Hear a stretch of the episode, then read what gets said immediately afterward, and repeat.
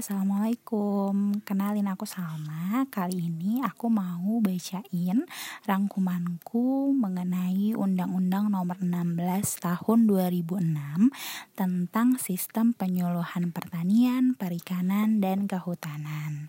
Nah sebelumnya di sini untuk lebih mempersingkat penjelasan Ada beberapa istilah yang bakal aku gunain untuk lebih mempersingkat waktu. Di antaranya kalau nanti aku sebutin PPK itu artinya pertanian, perikanan, dan kehutanan. Selanjutnya kalau aku sebutin PUPS itu artinya pelaku utama dan pelaku usaha. Untuk penjabarannya nanti akan dijabarkan. Gitu ya teman-teman, langsung aja kita mulai. Jadi sebetulnya apa sih sistem penyuluhan itu? Jadi di undang-undang ini sistem penyuluhan merupakan seluruh rangkaian pengembangan kemampuan, pengetahuan, keterampilan serta sikap PUPS melalui penyuluhan. Nah, siapa sih PUPS itu? Jadi PU ini pelaku utama Nah, pelaku utama ini terdiri dari petani, pekebun, peternak, nelayan, pembudidaya ikan, pengolah ikan, dan keluarga intinya, beserta masyarakat di sekitar orang-orang tersebut yang berkaitan dengan mereka. Itu merupakan pelaku utama atau PU. Selanjutnya, PS atau pelaku usaha ini merupakan seorang maupun kelompok warga negara Indonesia yang dibentuk menurut hukum Indonesia yang mengelola usaha pertanian, perikanan, dan juga kehutanan atau PPK. Gitu ya teman-teman. Jadi kalau PU ini ya tentu aja orang-orang yang langsung terjun di bidang pertanian, perikanan, dan kehutanan. Kalau PS ini sekelompok orang yang juga punya usaha di bidang tersebut dan juga punya badan hukum gitu. Nah, selanjutnya di sini sebelumnya kita sebutin dulu apa itu penyuluhan menurut undang-undang ini. Jadi, menurut undang-undang ini, penyuluhan merupakan proses pembelajaran bagi PUPS tersebut agar mampu dan mau menolong dan mengorganisasikan dirinya dalam mengakses informasi, pasar, teknologi, permodalan, dan sebagainya sebagai upaya untuk meningkatkan produktivitas dan efisiensi usaha pendapatan dan kesejahteraannya serta meningkatkan kesadaran mereka dalam pelestarian fungsi lingkungan hidup gitu. Jadi intinya penyuluhan ini proses belajar untuk mereka. Selanjutnya yaitu ada asas penyuluhan ada pada bab 2 pasal 2. Jadi asas penyuluhan ini ada banyak, teman-teman. Nah, di sini aku ada singkatan sih tapi nggak perlu juga untuk dihafal menurut singkatanku. Intinya dia punya huruf M depannya M D ada 6K, 3B, 2P atau kalau misalnya mau MD, 2P, 3B, 6K juga nggak apa-apa. Jadi itu terdiri dari demokrasi, manfaat, kesetaraan, keseimbangan, keterbukaan, kerjasama, partisipatif, kemitraan, berkeadilan, pemerataan, dan bertanggung gugat.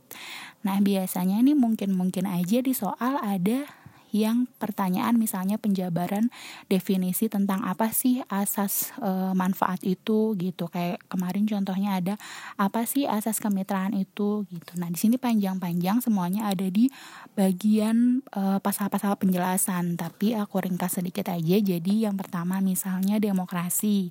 Demokrasi itu intinya saling menghormati pendapat. Jadi antar semua ke pemangku kepentingan ini mereka saling menghormati pendapat yang kedua manfaat. Jadi penyuluhan tentu harus memberi nilai manfaat untuk semuanya gitu. Yang ketiga ada kesetaraan. Jadi kesetaraan ini maksudnya adalah penyuluh, PU dan PS itu mereka merupakan mitra sejajar, tidak ada yang lebih tinggi begitu. Selanjutnya ada keseimbangan. Nah, keseimbangan ini artinya penyuluhan itu harus seimbang dengan kearifan lokal yang ada. Juga keseimbangan antara kawasan yang maju dan juga tertinggal. Selanjutnya ada keterbukaan Nah, kalau keterbukaan ini jadi penyuluhan tentu harus dilakukan secara terbuka. Nah, selanjutnya ada kerjasama. Kalau kerjasama ini artinya diselenggarakannya tentu harus secara sinergis dalam kegiatan pembangunan PPK serta sektor lain gitu. Intinya harus sinergis. Lalu selanjutnya ada partisipatif. Ini yaitu pelibatan penyuluh PUPS secara aktif.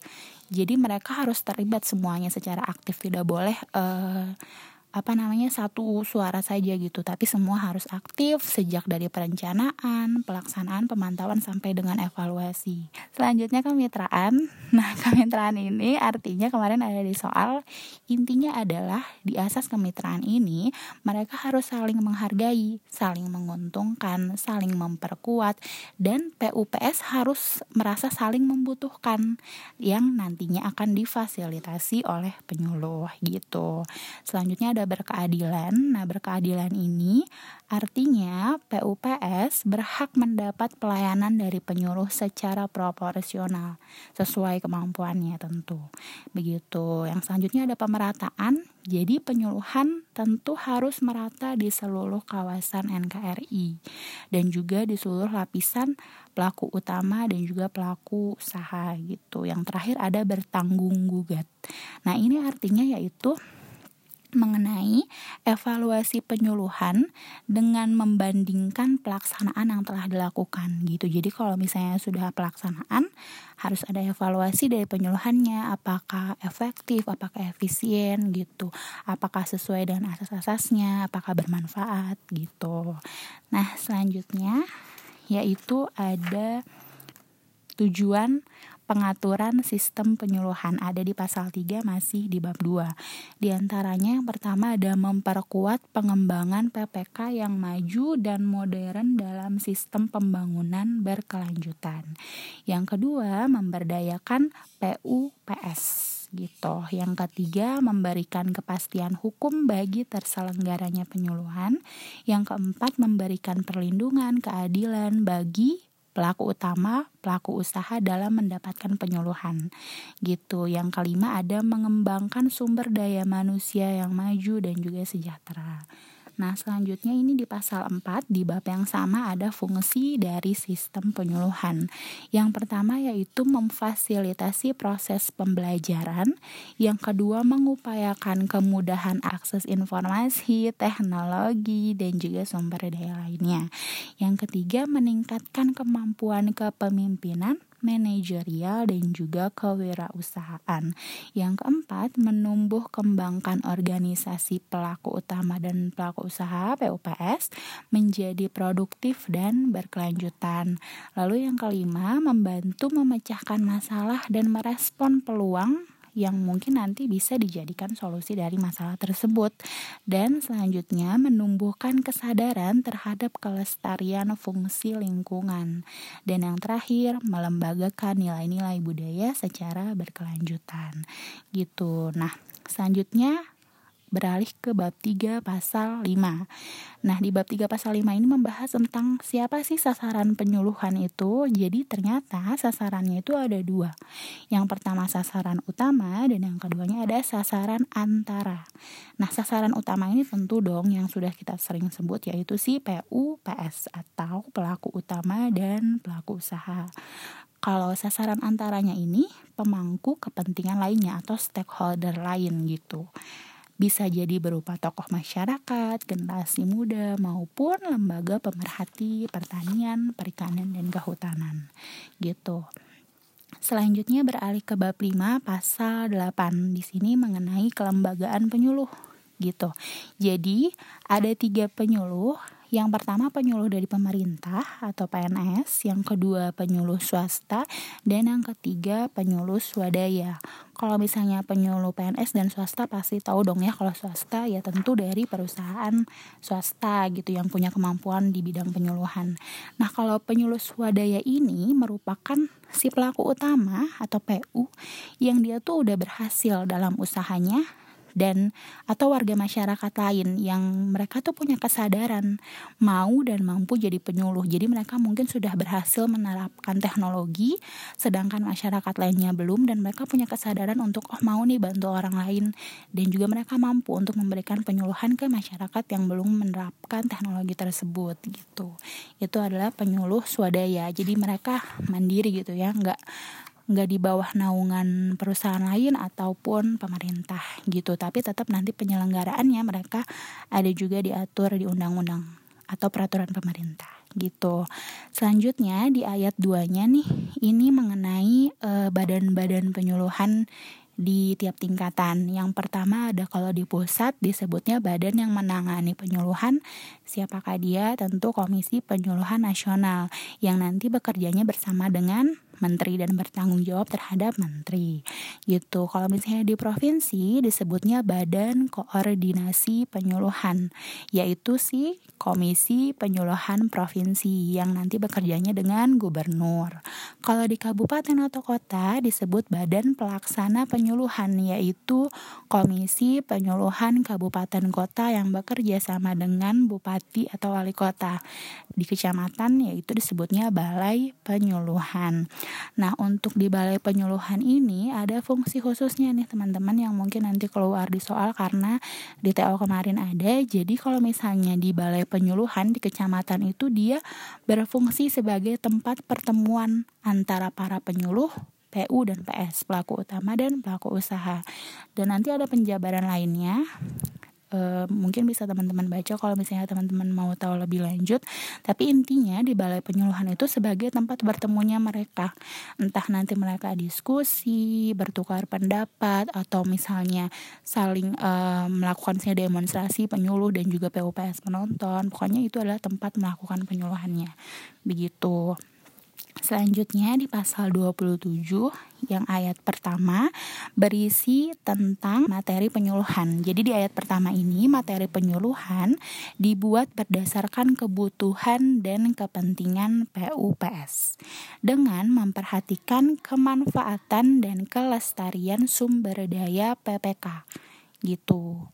Yang di ayat 2 ini menjelaskan bahwa materi berisi unsur pengembangan sumber daya manusia dan peningkatan modal sosial serta unsur ilmu pengetahuan, teknologi, informasi, ekonomi, manajemen, hukum dan pelestarian lingkungan.